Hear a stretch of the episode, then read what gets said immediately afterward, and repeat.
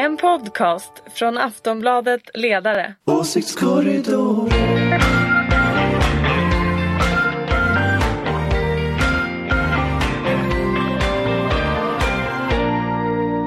Hej och välkomna till Åsiktskorridoren där ingenting är sig likt. Därför att ingenting är sig likt i Sverige just nu.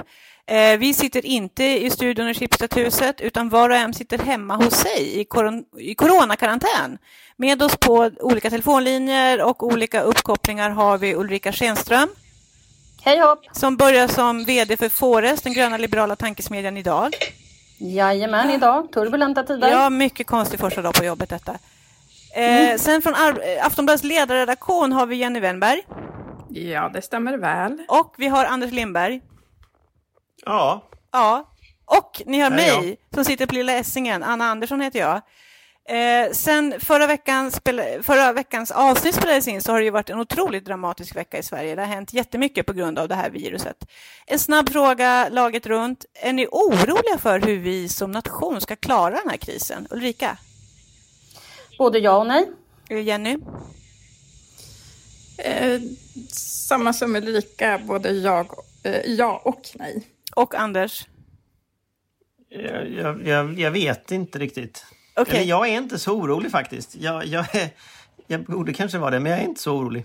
Okej, okay. Ulrika, vad är det som oroar dig? Ekonomin. Främst är det faktiskt ekonomin som oroar mig mest och att folk får panik.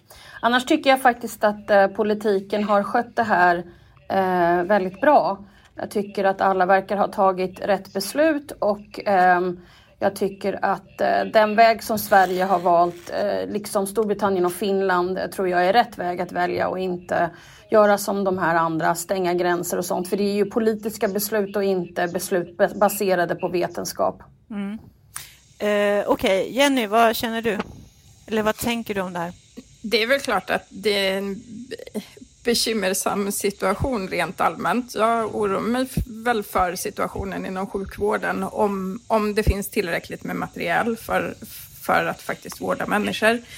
Ehm, det, den första inventeringen som gjordes visade ju att vi har ehm, 1400 vårddygn, eh, skyddsutrustning för 1400 eh, vårddygn och inköp ska ju göras men det är en global efterfrågan på material.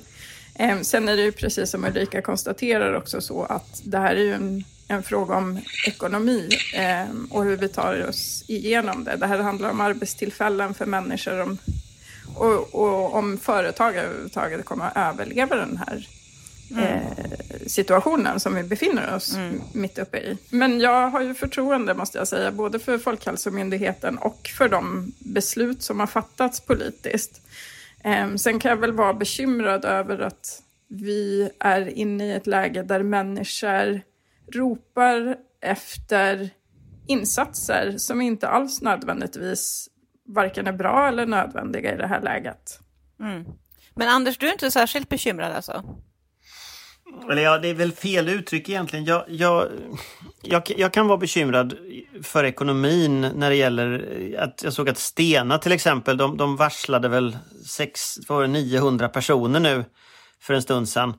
Eh, och det är klart att besöksnäring och sånt kommer ju att, att eh, åka på ganska rejäla smällar.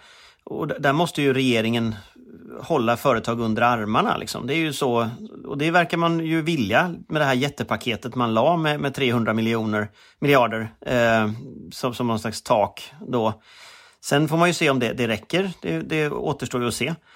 Men sen när det kommer till själva hälsogrejen så Alltså, jag är ju inte någon expert på detta och, och tittar jag på, på svenska myndigheter så, så tycker jag ändå att det verkar vara eh, man verkar ha kontroll på det man gör.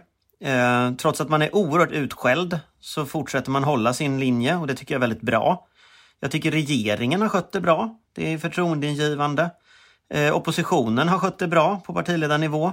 Eh, nu på slutet här har liksom alla sansat sig. Så att så att jag, jag, jag, är inte jätte, jag är inte jätteorolig på det sättet. Sen får man ju följa de instruktioner som kommer. Liksom. Ja, alltså, det var mina nästa frågor. Nu har ni ju liksom besvarat dem på vägen här, hur regering och opposition har skött sig. Men jag har ett intryck av att politiseringen, det pågår ingen politisering av det här just nu. Håller ni med om det? Ja, det, I Sverige är det ju inte så, men eh, det verkar som väldigt många andra länder håller på med någon slags eh, opinionstörst. Att eh, efter det här så ska man ha vunnit någonting. Och jag tror att, jag tänker till exempel på Danmark, när man stängde skolor och gränser så går ju till och med myndigheterna ut och säger att det här är en politiskt beslut, inte ett beslut baserat på vetenskap. Och jag, då, då har ju politiken, eh, tror jag, hetsat upp människor, gjort människor illa på grund av att folk har blivit så rädda antagligen. Och när politiken gör det, då tycker jag att eh, då, då gör man fel och eh, man skapar oro eh, i onödan. Och sen, sen tycker jag väl att, att, oppositionen inledningsvis så kändes det ju som att, att både Moderaterna och, och Kristdemokraterna var på gång där och tänkte liksom politisera och man hade någon turné planerad och man skrev väl till och med en debatt om den där turnén. Men någonstans känns det som att när folk har insett allvaret, både för liksom folkhälsa och för ekonomi, då har man sansat sig.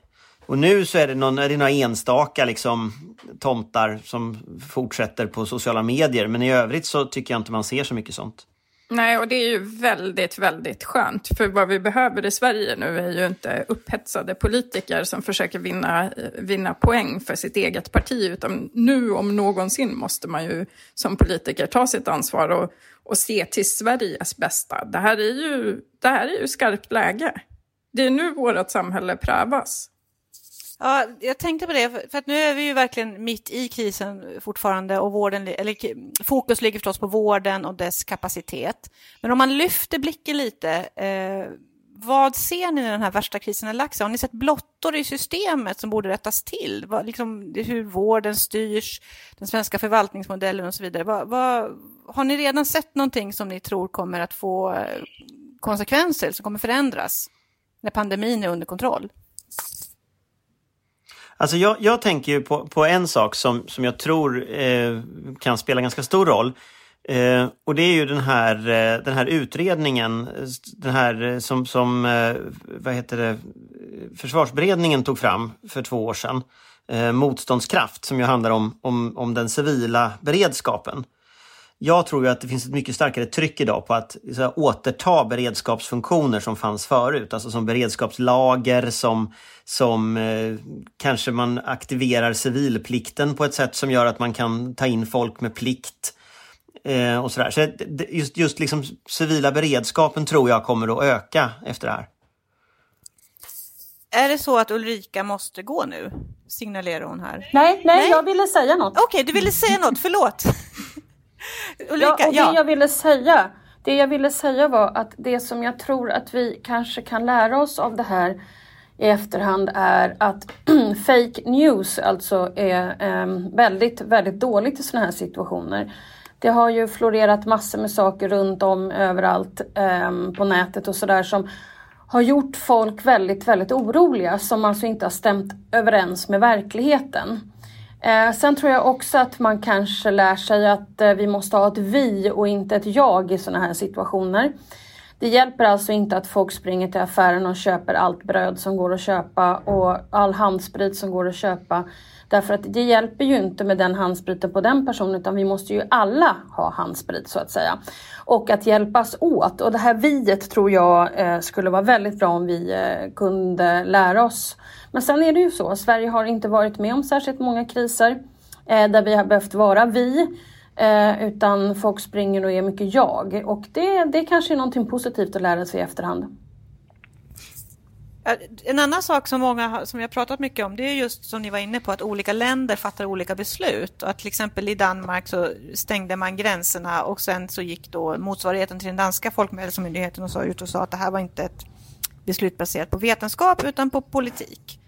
Eh, men jag uppfattar som att det ändå finns en längtan efter politiker som visar lite handlingskraft. Eh, vad tror, alltså för att det är ju inte säkert att eh, eller vad tror ni att, kommer det här påverka svenska politiker helt enkelt? Ulrika? Men, men, men alltså jag såg han den här Giesecke tror jag han heter som var, hade eh, jobbet som Anders um, eh, vad heter han nu då, Anders eh, Tegnell. Tegnell har nu. Och han satt och ställde, var på frågestund så att säga i TV4 i morse. Och då fick han en fråga från någon tittare som just handlade om, borde inte politiken visa mer ansvar? Då sa han, han tycker att det är just det de svenska politikerna har gjort, visat ansvar genom lugn, inte hets och ehm, eh, ja, ta, ta beslut som, som bara handlar bara om politik. Så att, eh, jag tror snarare tvärtom. Jag, jag, tänker att det kan, jag tänker att det, det, det, det, är ganska typiskt svenskt det här att hålla ihop i tider av kris.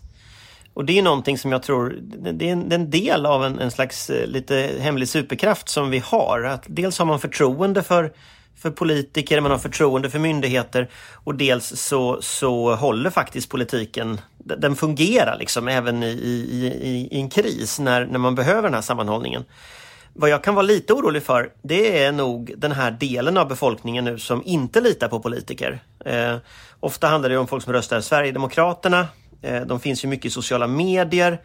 Och att den här liksom rädslan som nu sprids, och det är ju vissa toppolitiker som också har liksom understött den över tid. Och det tror jag är livsfarligt. Och när det här nu drar ut på tiden, för jag menar nu, nu sitter vi liksom här, nu, vi kanske sitter här i, fortfarande på våra liksom länkar i maj, liksom. det är ju inte alls otänkbart. Eh, då tror jag ju att det här kommer att, att sätta hård press. Eh, och då finns det ju en andel av befolkningen som inte litar på någonting. Och det, det, tror jag kan bli farligt. Jenny? Det är, det är väl ganska uppenbart att det finns eh, människor i Sverige som längtar efter någon form av pater familias-figur som pekar med hela handen och eh, med stor pondus säger eh, att vi ska stänga gränser trots att de som faktiskt kan något om smittskydd och smittspridning eh, säger att det är inte alls säkert att det kommer att, att, att, att vara en åtgärd som har någon form av effekt. Ehm, jag tycker det är jätteviktigt eh, att vi som faktiskt tror på den här linjen som är vald. Och, och, den är ju vetenskapligt baserad. Att man faktiskt stöttar sådana som Anders Tegnell och också de beslutsfattare som är ute i, i det offentliga nu. Eh, för att visa att Eh, det finns faktiskt en stark opinion som, som tror på det här snarare än de enkla lösningarna. Eh, och tvärsäkra, icke-vetenskapliga lösningar som är politiska. Vi behöver inte politiska lösningar nu. Vi behöver, vi behöver eh, människor med kunskap om, om eh, virus som faktiskt är de som vägleder våra politiker. Och där tycker jag regeringen har varit bra. Man har varit väldigt tydlig med att peka på det här. Jag har också sett andra politiker som i sociala medier har skrivit att vår våran roll är inte Eh, vi, vi, behöver också lyssna på experterna och fatta beslut i, i vad de faktiskt rekommenderar. Om ni tittar ut i resten av världen, är det något, är det något land som oroar er mer än andra? Jag menar, just nu är ju faktiskt EU epicentrum för den här pandemin. Ehm, och EU har väl inte skött, klarat den här krisen jättebra med stängda gränser och in, man har höll, Sverige har beställt sjukhusmateriel som aldrig kommer och Italien fick inte hjälp när de bad om det. Det funkar inte jättebra just nu, eller? Nej, det är ju väldigt illa och just det här att, att Italien inte har, att liksom den europeiska solidariteten bröt ihop när liksom Italien behövde hjälp som mest, det var ju inget bra. Men det som oroar mig mest av allt, det är nog USA. Mm, att man inte verkar ha kontroll överhuvudtaget i USA. Eh, och att statsledningen ljuger eh, i en sån här kris. Så det, det, tror jag är, eh, det tror jag är det absolut farligaste. Det är liksom den här auktoritära ledare som försöker ljuga sig ur kriser. Eh, för det kan sluta precis hur som helst. Speciellt om man sen behöver vidta riktigt hårda åtgärder och folk inte har förtroende för myndigheterna. Då, då kan det sluta med liksom, ja, väldigt, väldigt många dödsfall och, och, och en sammanbrott i social ordning. Liksom. Och där tror jag USA ligger... Jag tror att det är väldigt farligt det som händer i USA. Att man agerar på det sättet man gör. Jenny, vill du säga? Ja, jag håller... Eller Ulrika, förlåt. Nej, jag håller helt med om det. det är... Jag är jätteorolig för det och då är det en hel världsekonomi som kommer att gå ner. Så att eh, vi får säkert en, någon slags finanskris efter det här recession. Kan det här bli Trumps fall tror ni? Kan bli. Inte nödvändigtvis. Det beror ju på hur många som vill ha den här starka ledaren och de, de finns ju. Fast jag tänker så här att det, det, finns, ju, det finns ju en tradition. Eh, man kan jämföra med Ryssland just nu, som ju inte verkar ha några fall alls. För de testar inte. Och det är ju naturligtvis... Förlåt? Vet man Nej, det vet man inte. Utan de skapar ju en informationsdimma då runt, runt Ryssland. Eh, men, men, eh, men om man ska spekulera lite kring den ryska strategin så har ju, de en, så har ju Putin och kretsen runt honom en lite dålig erfarenhet av det här med att tappa kontrollen från murens fall och, och liksom att Sovjetunionens sönderfall. Så risken är väl rätt uppenbar att de, de inte, att de inte eh, tänker så berätta vad som händer i krisen. Eh, så.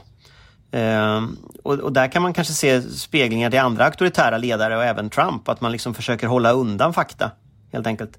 Uh, för att man är rädd när fakta kommer fram. En auktoritär ledare utan auktoritet riskerar ju att falla. Liksom. Vet ni vad, det får bli sista ordet för den här gången eh, i den här lite tekniktestversionen av Åsiktskorridoren. Vi säger tack för den här gången, hoppas snart kunna vara tillbaka. Tack Ulrika Schenström, Jenny Wennberg och Anders Lindberg. Eh, vi hörs tack, snart tack. hoppas vi. Och eh, tvätta händerna, nys järnvecken. Hej då! Yes. Trevlig vecka. hamstra inte en massa mat. Nej, eh, hamstra och inte. toalettpapper. Gör inte det. Dela med er av toapappret. Hej då! Hej hej! Hej då!